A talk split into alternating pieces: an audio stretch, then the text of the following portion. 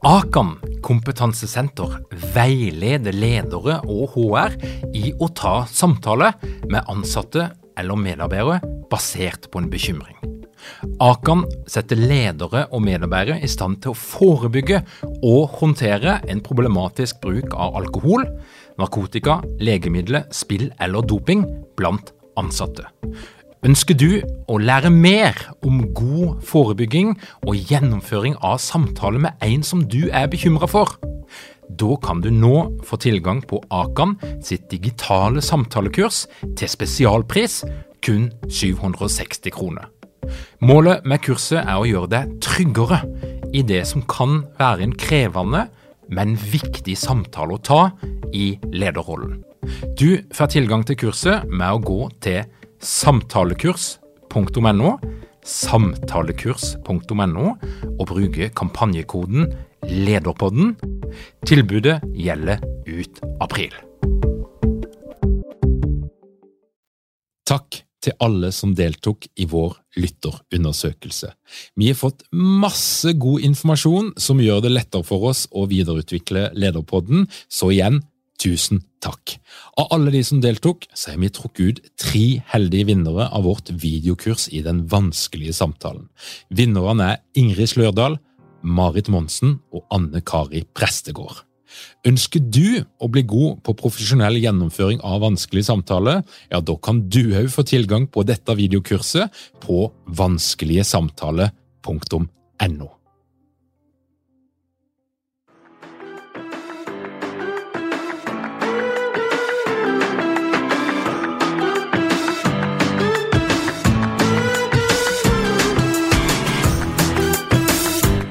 Velkommen til Lederpodden. Mitt navn er Tor Åge Eikerapen. Jeg jobber som organisasjonspsykolog, og dette her er en podkast om ledelse. Hvis du følger med i Dagens Næringsliv og lignende aviser, så har du fått med deg at det stadig skjer spennende ting innen arbeidsrett. Og jeg sitter og tenker på om noen av de her sakene som har gått til forlik, forandrer på måten vi skal tenke rundt hva som er ok, og hva du som arbeidsgiver og leder kan tillate deg innenfor styringsretten. Og For å belyse to av de her sakene, som vi altså kun kjenner fra media, så har jeg invitert med meg inn arbeidsrettsadvokat Harald Pedersen. Velkommen til Lederpodden, Harald. Takk skal du ha. Hyggelig å være her. Harald, det er jo da en sak som, som er gått for fulle tribuner de siste ukene, eller det var i hvert fall noen dager i mai, der det ble en ganske intensiv pressedekning rundt det som nok ellers ofte ville ha tenkt på, eh, mange ville ha tenkt på som en sak som, som burde foregå, foregå, internt i en virksomhet, altså en, en, en mer lukka prosess, men der eh, av flere grunner så ble det en, en, enorm offentlig interesse rundt saken som da gikk mellom Line Andersen og hos sin arbeidsgiver NRK. Og jeg kan begynne litt der. Hva tenker du om at det blir så mye media og oppmerksomhet og grafsing i en sak som vanligvis pleier å kalles for en personalsak, og som, og som egentlig er noe som, som eh, foregår mellom de aktørene som er direkte involvert. Jeg tenker jo det er synd for de som er involvert egentlig på det personlige plan. Eh, det er jo som du, du eh, var så vidt innom, altså disse sakene de kjenner vi jo gjennom media. Og når du skal på en måte forholde deg til denne type litt komplekse, sammensatte saker gjennom det du får av media, så er det som å titte på en sak gjennom et nøkkelhull, eh, hvor du bare ser deler og bitte litt av det som foregår hele tiden, egentlig.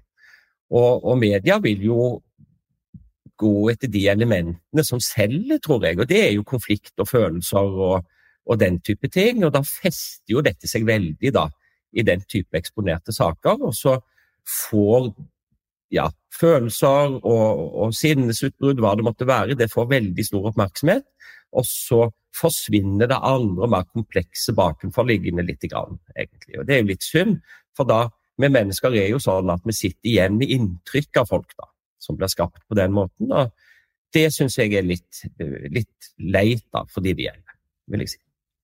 Og I den spesifikke saken så var det jo sånn da at det kom et eh, stort portrettintervju i Dagens Læringsliv før saken kom opp for eh, retten, der, eh, der da Line Andersen eh, presenterte sitt narrativ, sitt syn på saken, mens arbeidsgiver NRK måtte bare svare ingen kommentar, for de var bondene av taushetsplikten helt fram til saken kom opp den, den 18. mai. Hva slags dilemma er det ledere står i når de da har en part som kan uttale seg ganske fritt? Eh, og de sjøl må, må, sitte bare helt stille og se på? Ja, altså det, Dette er jo en situasjon som, som mange virksomheter og ledere kommer i når, når, saken får oppmerksomhet i lokalpressen eller i spektakulære saker i, i, pressen generelt. Og da har vi en tendens, eller disse lederne har en tendens til å bli for forsiktige, syns jeg. Fordi når du da skal sitte og vurdere hva du kan si, så må du forholde deg til at en annen allerede har uttalt seg. Du må forholde deg til at du er arbeidsgiver også for andre i denne saken, som har et behov for, og virksomheten har et behov for, at du da kanskje sier noe som kan eh, balansere bildet noe, uten at du nødvendigvis legger fram personopplysninger som, som kan være kompliserende fakta, altså i forhold til GDPR og personopplysningsloven. Så, så det at man setter seg ned og vurderer fortløpende eh, i disse sakene hva kan vi si, syns jeg er en bedre innfallsvinkel enn at man hele tiden sier ingen kommentar. Og tendensen, hvis du skal se litt historisk på det, du har vært i dette her gamet i mange, mange år. Eh, og for meg som da stender litt utenfor, så virker det jo som at media er mer og mer interessert i arbeidskonflikter i det psykososiale arbeidsmiljøet, og, og, du risikerer i ganske stor grad å havne på en eller annen avisforside som leder, eh, der din håndtering vil bli utlevert. Du kan nok risikere det, ja. Altså det, dette vil man også lokalt i lokalpressen kunne eh, risikere, selvfølgelig. Eh, og dette dilemmaet med hvordan du skal svare dette ut i pressen, hvilken mediestrategi du skal ha, eh, vil, vil, da oppstå. Da er vi igjen tilbake til dette at, at jeg syns noen ganger man er litt for forsiktig da, fra arbeidsgivers hold eh, med å, å, å, gå ut med iallfall litt mer generell informasjon for å balansere bildet. da. Men, men at vi har media som passer på, er jo viktig det òg, i et demokratisk perspektiv. da. Så, så, de har jo en veldig viktig funksjon da, i en rettsstat, som, sånn at man ikke kan ture på som man vil. Men det, men det er en, en, fare for at det, at det, kan bli en noe eh, skeiv balanse da, i det bildet som blir framstilt, fordi du som arbeidsgiver er bonde av eh, allikevel litt mer enn en, en arbeidstaker nødvendigvis er. Ja, det, man skal nok holde litt igjen, syns jeg, som arbeidsgiver. Altså når, når, man ser på dette i et prosessperspektiv, i saker da, som, som, er på vei inn i rettsapparatet, så er det jo sånn at en, en, en part i en sak kan legge fram stevningen sin til en journalist, f.eks. Men det heter seg samtidig at man skal være varsom med å føre bevis i media forut for en rettssak, fordi Eh, det er jo bevisumiddelbarhetsprinsippet. Det er det som foregår i rettssalen der og da, som skal danne grunnlag for dommerens beslutninger. Og Da havner man i et dilemma, for i en stevning eller i et tilsvar, hvis du er på den andre siden, da, så, så, så vil man jo nødvendigvis også måtte forholde seg til faktum og bevis. Så du har lov å legge fram den type dokumenter, men ikke bilag, da, selvfølgelig, som viser til til mer konkret til bevisene. Men, men det som fremgår av stevning og tilsvar knyttet til bevis, er jo da en slags gråsone, egentlig. Og, for du har lov å legge det frem, men du har ikke lov å legge frem bevisene. Så skal du da sette deg ned og sledde det, osv. her. Dette kan man diskutere. I Line Andersen-saken så gikk jo den for åpen scene i noen dager. Du kunne nærmest følge den minutt for minutt. Og det har vært en diskusjon flere steder om dette her er en riktig måte å gjøre det på. Og så vil noen si det at Line Andersen hun har selv valgt offentligheten både gjennom å ta en rolle som programleder og gjennom å gå ut og aktivt bruke media før denne saken kom opp. Men er dette her, tenker du at dette her er en endring? Altså Vil vi se mer av dette her? At denne her type saker blir haussa opp og blir gjenstand for underholdning, egentlig? Det er vanskelig for meg å si noe om. Det kan godt hende det at, at, at det er en sånn dreining da, eh, mot eh, større åpenhet i disse sakene. Eh, de elementene du trekker fram, eh, er jo viktige. fordi man, Jobber man i profilerte roller, er man veldig synlig i et mediebilde, så må man nok tåle litt mer av oppmerksomhet fra media. Og, og hvis man selv har valgt å stå frem og legge fram sin side av en sak, så må man nok også tåle eh, at, at media engasjerer seg i noe større grad. Eh, så dette er jo en, en, det er for mange elementer som må vurderes i disse sakene. Um, og det er altså Alternativet er jo lukka rettsprosesser. Det skal jo veldig mye til, da. Så åpenhet er jo viktig. Transparency er jo veldig viktig i et demokrati. Eh, en sånn anekdote der, altså Når du er i Manchester for eksempel, og ser rettsbygningen i Manchester, så har man da bygd rettssaler ut av bygningen i glass. Så man står altså, kan stå på gaten og titte på rettssaker som foregår da, oppe i disse glassrettssalene. Og det er jo for å visuelt da på en måte synliggjøre transparency, åpenhet. Så vi må aldri glemme de sidene altså, når vi diskuterer disse spørsmålene. Og Hvis vi da skal gå inn litt i selve saken. Eh, det er et svært sakskompleks som vi greier ikke å få med oss alle detaljene her. De kan lese om det sjøl. Eh, det er viktig å merke seg at vi kjenner altså denne saken kun utenfra og gjennom media, men mm. oppsettet er ca. noe sånn. Eh, Lise, Line Andersen er ansatt som journalist. Eh, ifølge NRK så betyr det at av og til vil du være programleder på skjermen, og av og til vil du ha andre typer oppgaver, men det er altså ikke sånn at i arbeidskontrakten er det definert at du skal være programleder. Mm. Og så har vi da en, en, konflikt som utspiller seg. Det er noen utskjellinger, det er noen gråtende ledere, eh, det er flere elementer inne her. Men hovedspørsmålet er jo i hvilken grad har NRK som arbeidsgiver rett til å bruke styringsretten til å si at nå må Line Andersen gjøre noe annet innenfor arbeidskontrakten sin enn å være på skjermen. Det har jo vært stridens kjerne, så vidt jeg har forstått. Og så vil jo jeg da ha trodd at eh, når NRK liksom kjører denne saken og masse oppmerksomhet, og, og de er i retten i flere dager, og så ender det opp med et forlik der de casher ut uh, halvannen million cirka, uh, en årslønn, og de dekker halve saksomkostningene. Uh, og sånn sett gir de jo et inntrykk av at Line Andersen faktisk hadde noe av substans her, som gjorde at de valgte det. Hva, hva gjør dette her med din, din forståelse av, av saken? Altså, aller først vil jeg si at Når du har denne type saker som har stor plass i media, så vil en rekke eksperter både med juridisk bakgrunn og med annen faglig bakgrunn gå ut og uttale seg. Og Noen er jo veldig spenstige, da. De har jo veldig sterke meninger om det ene og det andre, basert på det veldig fragmenterte faktabildet de har fått gjennom media. Eh, det vil ikke jeg. Eh, vi må være seriøse når vi skal forholde oss til disse tingene. Og da må vi forholde oss til at vi ikke kjenner sakene godt nok gjennom media til å uttale oss fullt ut. Så det er en veldig viktig forutsetning for meg som fagperson. Jeg kan ikke stå og si at den har rett og den har feil, osv. slik og slik. Det denne type sak dreier seg om, er jo, som, som du var inne på, toget, hvor, hvor langt strekker styringsretten seg. Og da er det noen viktige element i særlig en sak som denne NRK-saken. Og Det ene er jo hvilke rammer setter arbeidsavtalen, og det andre er har du et saklig fundament for den maktutøvelse du da eh, iverksetter.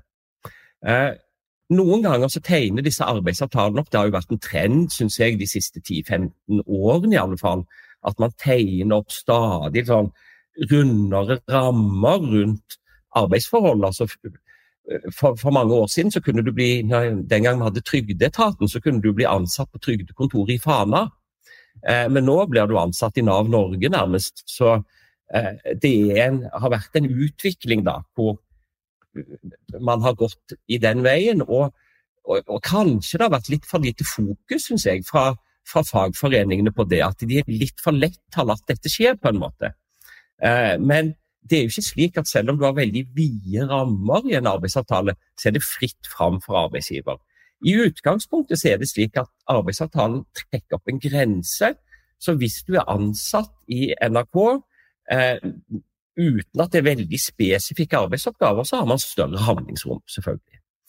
Men la oss ta et tankeeksperiment. Du blir ansatt i, ja, i en regnskapsavdeling, og du jobber da år ut og år inn med spesielle ting, med budsjett og med den type ting. Og Dette blir du etter hvert veldig god på. Det er det eneste du driver med, det er budsjettplanlegging. Andre ting gjør du ikke i det hele tatt. Og så går det 20 år, og så kommer det en ny leder inn, en sånn såkalt ny kost, som da skal rydde litt og ordne litt. Og så finner du ut at Tor Åge han kan jo gjøre masse ting. Han, han kan jo gå litt tilbake og gjøre litt mer forefallende arbeid. og holder på litt med bilagsregistrering og sånne ting. og eh, Skanne og kopiere litt og gjøre litt sånn. Eh, og, og, og, kanskje budsjettprosessene skal anrettes litt annerledes. Så er jo spørsmålet da eh, eh, Selv om det er rom for dette innenfor arbeidsavtalen, så er jo spørsmålet da har du gjennom lang tid på en måte jobbet deg inn i en situasjon hvor man kan si at rammene for ditt arbeidsforhold er litt annerledes enn de var den gangen du ble ansatt 20 år før. Så, så dette er for, altså bare for å gjøre, gjøre, veldig, gjøre, problemstillingen veldig synlig.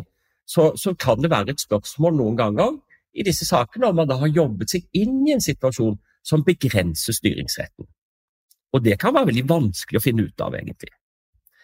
Eh, så det er den ene siden av det. Den andre siden er jo da at eh, når arbeidsgiver, selv om det er rom innenfor arbeidsavtalen, så må man ha et saklig grunnlag for det man gjør. Og da er jo spørsmålet har man på en måte håndtert disse bakenforliggende konfliktene med en god nok saksbehandling? Og, og oppi det, var, det kan jo være en diskusjon, da. Har partene bistått i tilstrekkelig grad i disse prosessene? Det kan være et element.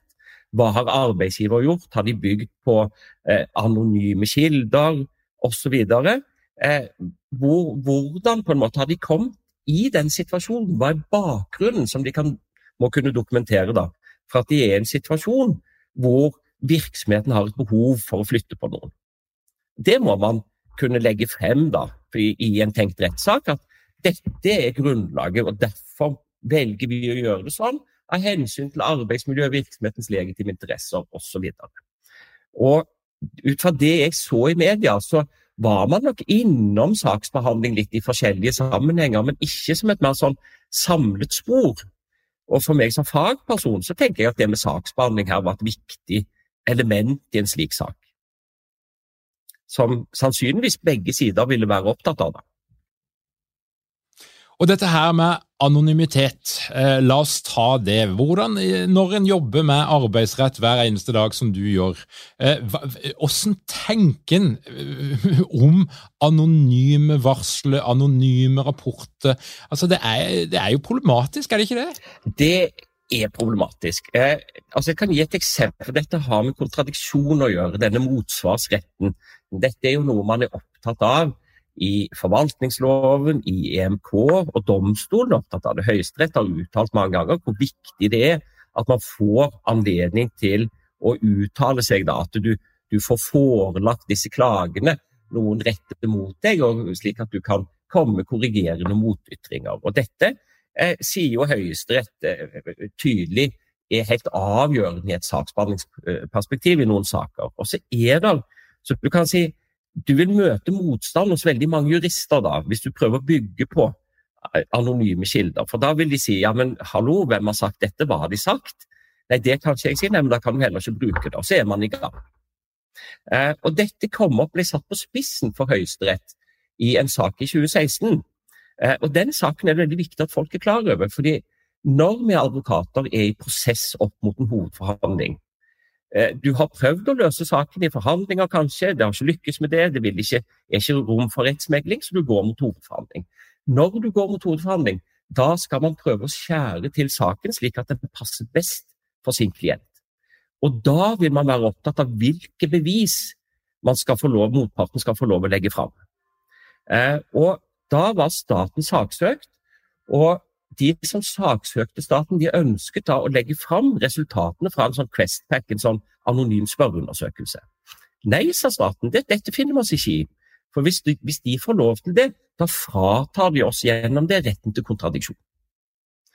Og da er det sånn i disse sakene at eh, man er rykende uenig, selvfølgelig, og så sender man inn et, et sinna skriftlig prosesskriv til eh, administrerende dommer som holder i saken. Administrerende dommer må da be den annen part om å uttale seg skriftlig, og så fatter dommeren det vi kaller en kjennelse, altså en skriftlig beslutning i saken. Denne kan påankes helt til Høyesterett. Så det har jeg vært med på et par ganger, du får avgjort bevisspørsmål og prosessuelle spørsmål i Høyesterett før saken kommer opp i tingretten. Og Sånn var det også her. Og Da gikk det helt til Høyesterett, og der fikk staten medhold. Så Høyesterett sa at kontradiksjonshensyn må veie tyngre enn praktiske Ja, altså det, det, det, var jo kanskje litt vanskelig å få dette til i praksis da, med kontradiksjonshensyn, det er ganske mange du har intervjuet og sånn, men, eh, men eh, undersøkelsen måtte utgå, og så får da den annen part prøve å føre bevis som best de kan av kontradiksjonshensyn. Dette betyr at man kan faktisk ikke, i alle fall ikke hvis motpartens advokat passer på, så kan man da ikke legge fram og bruke rettslig Eh, resultatene fra anonyme spørreundersøkelser lenger.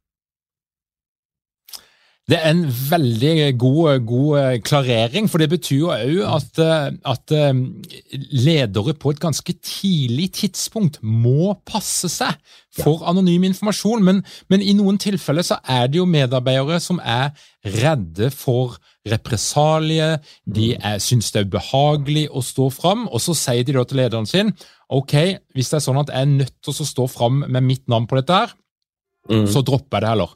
Da trekker jeg det tilbake, selv om det er ganske så kritikkverdige forhold som er blitt eh, rapportert om. Dette er jo også problematisk. Dette, det er helt avhengig av Jeg skulle ønske da i en ideell verden at ledere var veldig på når ansatte kommer inn og sier du, jeg har et problem, og at de tar en rolleavklaring med en gang og sier at jaha, er dette et problem som gjelder deg? Nei, det gjelder en annen. Jaha, men hvis det gjelder en annen, så har den personen også rettigheter, skulle lederen i den verden sagt. For hvis den ansatte da allikevel velger å peke på en annen og si at den og den trakasserer meg, ja, men da utløses jo kontradiksjon for den som blir pekt på. Så da kan ikke den ansatte etterpå si å nei, uff, nei, det ble så belastende dette, så la det ligge. Og det er et annet perspektiv her, eh, Tor du som driver med denne lederutvikling og slik. Det er jo også at denne lederen har da blitt manipulert.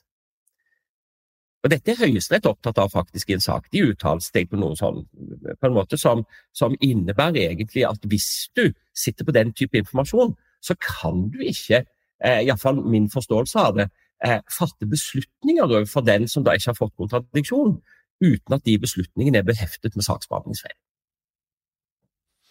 Og En kan jo også se for seg lenger ned i veien. da, at La mm. oss si at du får tilgang på kritisk informasjon, men den som kommer med informasjon mm. om noe kritikkverdig, trekker det tilbake. 'Nei, jeg vil ikke stå mm. for det.' Og så sitter du som leder, mm. og de facto så mm. vet du om mm. det. Og så kommer du to år lenger ned i veien, så blir du spurt. La oss si at det er i en rettssak, så blir du spurt når ble du gjort kjent med det kritikkverdige? Ja, da har du Eh, satt deg selv i en veldig vanskelig posisjon, hvor du også kan, kan faktisk risikere at man retter krav mot deg. da. Så, så, selv om det skal mye til, selvfølgelig, man vil jo stort sett ha fokus på virksomheten, eh, så, men det er jo ikke verken i samsvar du ikke mange ledere uten trening eller utdannelse innen ledelse? Mangler dere en felles kultur og praksis for ledelse? Ønsker dere å være bedre rustet for fremtidig vekst og endring? Da kan et internt lederutviklingsprogram være en god investering. I Execu er vi eksperter på å designe og gjennomføre bedriftsinterne lederutviklingsprogram. Hvis du ønsker å lære mer om hvordan vi kan hjelpe dykken til å få enda bedre ledere, ta og klikk deg inn på execu.no.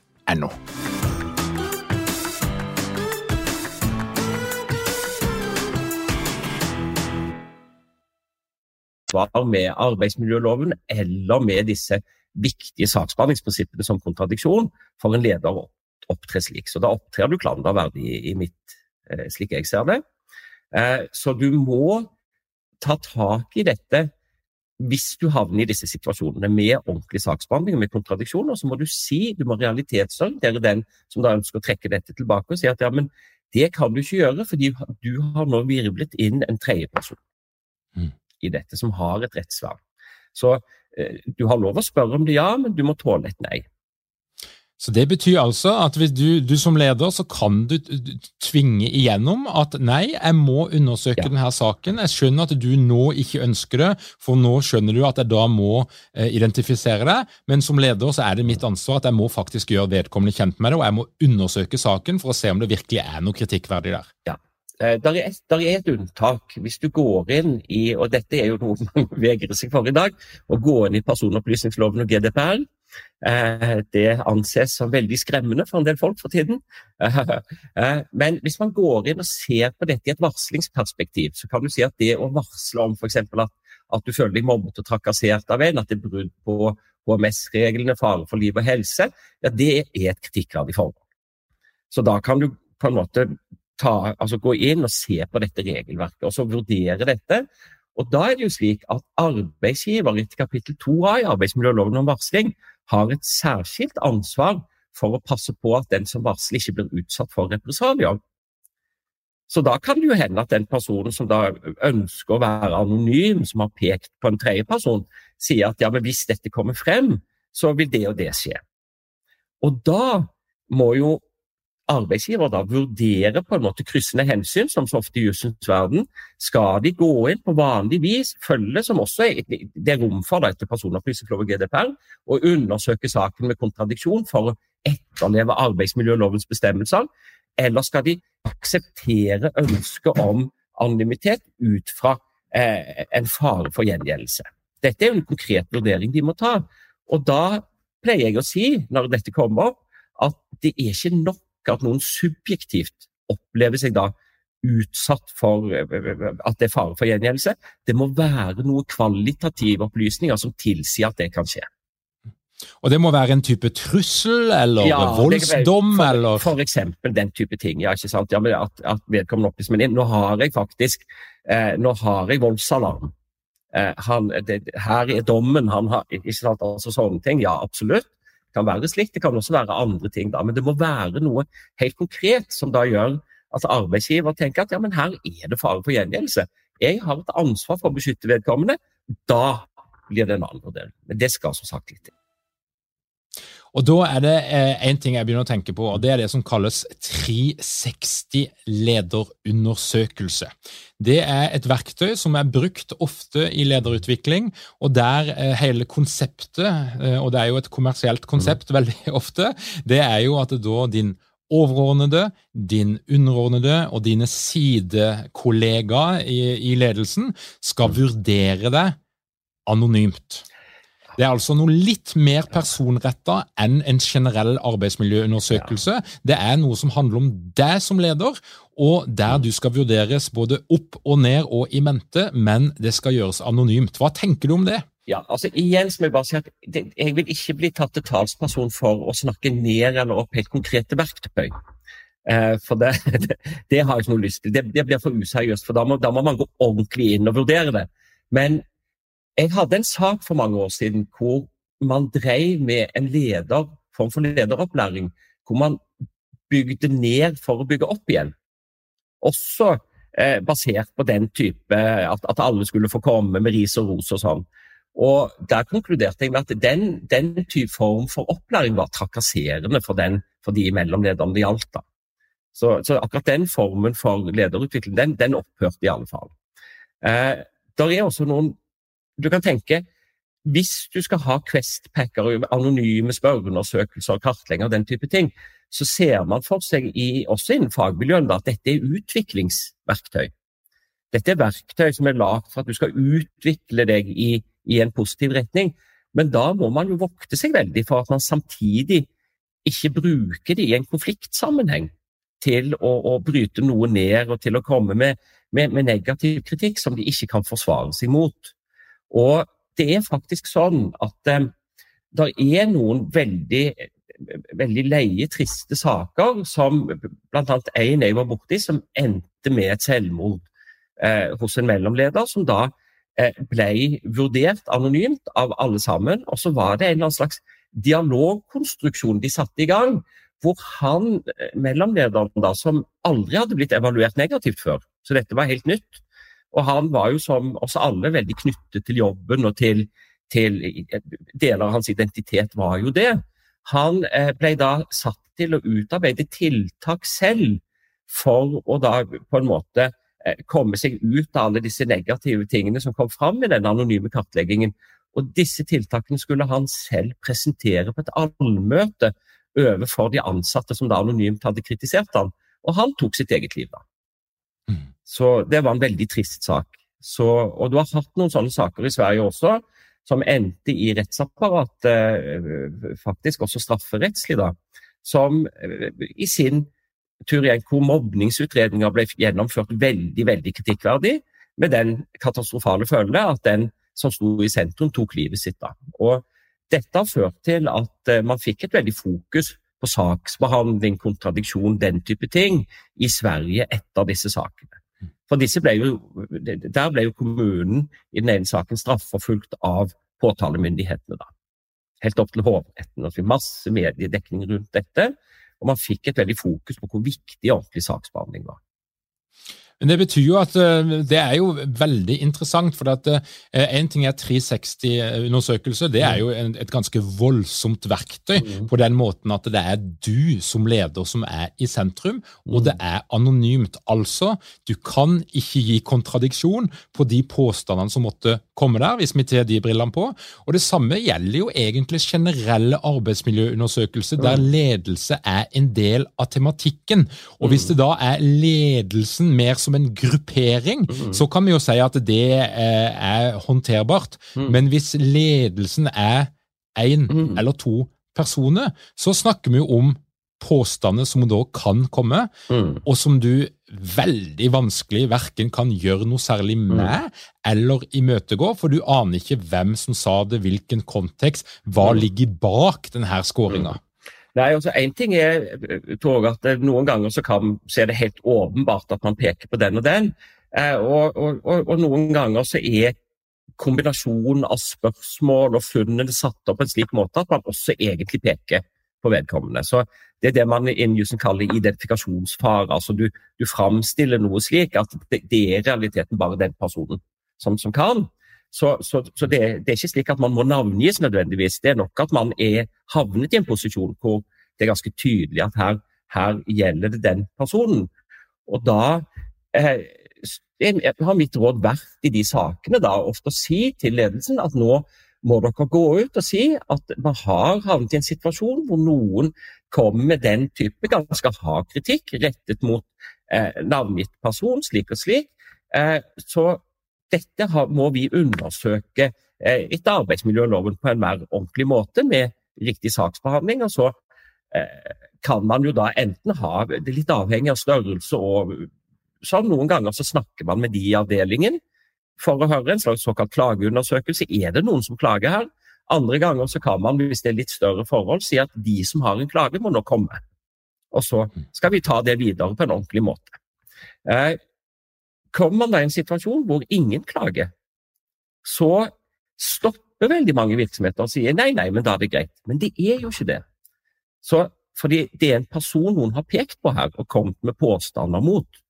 Så hvis man havner i en situasjon hvor ingen klager, men man har anonymt klagt på den måten, ja, da mener jeg oppfølging fra ledelsens side, altså virksomhetens side, da, på nivå over, hvis, i den grad man får til det, eh, da må gå ut og si at eh, vi har nå gjort det og det og det etter at denne påstanden kom frem anonymt. Eh, ingen har stått fram, ingen har konkretisert. Eh, nå går vi videre, men da vil vi samtidig erkjenne de, eller kjenne de påstandene som ble framsatt anonymt, døde og maktesløse. De har ingen verdi for oss. Og så får du en renvasking da, på en måte den veien. En meget god tydeliggjøring, og her tror, jeg det, her tror jeg det syndes mye. Ja, det tror jeg også. ja. Eller det vet jeg, ja, for å si det sånn. Ja. Harald, vi skal ta en liten tur til Stavanger før jeg, jeg slipper deg helt. Og Equinor det er et stort selskap som har så mange ansatte at det er naturlig at der vil det dukke opp konflikter i ny og ne. Mm. Der vil ting skje. Og i mars i år så var det en sak der som jeg beit meg merke i, eh, og som, som, gjorde meg litt sånn i villrede på om vi, vi må tenke litt annerledes om hvordan advarsler skal brukes i norsk arbeidsliv. Mm. Kort fortalt, Fem ledere. Lang historikk, det er konflikter, det er Dumbo og Langøre. Det er eh, en rekke eh, spennende detaljer i denne saken, men alt i alt så er det altså fem ledere som mottar en skriftlig advarsel. Og det ligger en, en lang historikk bak de advarslene.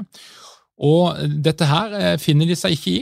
Så de gjenger til tingretten og de gjenger til søksmål mot arbeidsgiver for å få fjerna advarslene. Mm. Selv om advarslene sånn sett ikke hadde en praktisk konsekvens, altså mm. arbeidsforholdet fortsatte sånn som det gjorde fra, fra før, men de ville ikke at de her advarslene skulle ligge i, i personalmappa, og de ville ha de, eh, ha de vekk.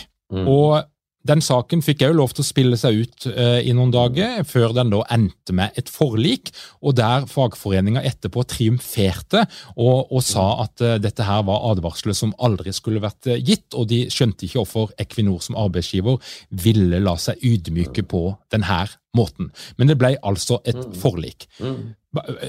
Hvilke konsekvenser gir denne saken og dette her forliket for hvordan vi skal tenke om advarsler og terskelen for å bruke advarsler som et virkemiddel? I, igjen så, så, må jeg jo understreke da jeg kjenner jo bare saken gjennom media. Det, men den reiser noen mer generelle spørsmål som jeg syns er ganske interessant å adressere, egentlig. Fordi du, du, er jo inne på det selv, Åge, i innledningen, at skal man jo egentlig gå til sak for å få underkjent en advarsel? Hva, hva, innebærer egentlig en advarsel?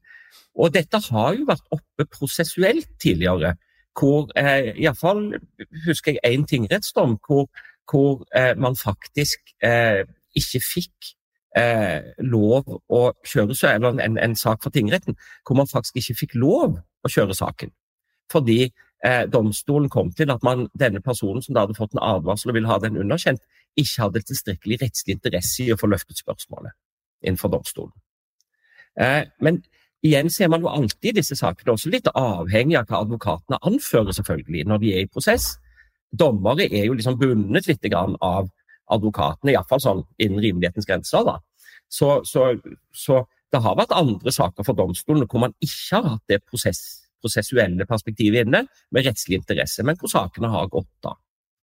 Eh, så, så, og, men det er et betimelig spørsmål. Jeg synes, Har man fått en advarsel som man er uenig i, så finnes det enklere måter å ta det på enn å angripe det rettslig, og mindre risikable måter. Altså, eh, for det første, så, så, selv om det ikke er noen, noen formalia knyttet til det å gi en advarsel, så bør jo arbeidsgiver og ledere som gir advarsler, selvfølgelig dokumentere at de har gjort at de hviler på en forsvarlig saksbehandling. Og da må de igjen åpne for kontradiksjon. Så da bør jo eh, den arbeidstakeren som mottar en advarsel som han eller hun, gjerne med sin fagforening eller advokat, da er uenig, enten det er knytta til faktiske forhold eller rettslige forhold, de må jo da selvfølgelig få anledning til å markere det men det kan man godt gjøre med å legge ved sine merknader til advarselen, som man da ber om eh, arkiveres i personalmappen sammen med den. For gjør man det, og, og så kommer det, skjer det noe nytt senere i arbeidsforholdet, og, og ting virvles opp igjen, ja, da skal jo disse merknadene følge advarselen. Og Nå aner ikke jeg hva som skjedde i det forliket i den Equinor-saken, men det kan jo godt hende at man er liksom rykt tilbake til start. Altså at du har gitt disse advarslene som er der, og så har du alle disse innsigelsene fra arbeidstakerne og deres advokater og tillitsvalgte. Og, og, og, og, sånn er nå saken. Og så har man på toppen et forlik da, som eh, ikke jeg aner innholdet i, og derfor ikke kan uttale meg om, men som selvfølgelig kan være klargjørende, men ikke nødvendigvis trenger å være det. i forhold til hvilken virkning eventuelt disse advarslene da skal ha på et senere tidspunkt. Ifølge, ifølge fagforeninga så ble advarslene trukket tilbake, Ja, ja. eh, og de ble kjent ugyldige. Så de, de, de, det, det ble resultatet, iallfall sånn som fagforeninga presenterte det. Igjen så syns jeg at den type saker er interessante i et saksbehandlingsperspektiv. Nå høres jeg fryktelig kjedelig ut, jeg vet det, det er liksom saksbehandling, saksbehandling, saksbehandling. Men eh, også her har du jo konflikter da, som går år tilbake i tid. Og, og virksomhetene har iverksatt det de vel kalte i, i, i media en intern granskning.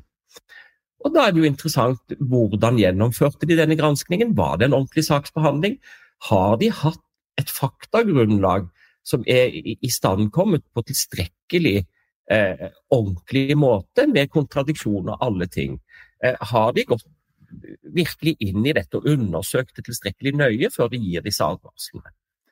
Det igjen kan ikke jeg svare på det. Men jeg vil anta at begge parter i en slik sak vil være veldig opptatt av det. Være på sin side, selvfølgelig. Eh, I tingretten så vil jo dommeren ha en stor interesse i forlik. Eh, De ønsker et forlik, de vil pushe på et forlik, de vil oppfordre partene sterkt til å snakke sammen og finne ut av det.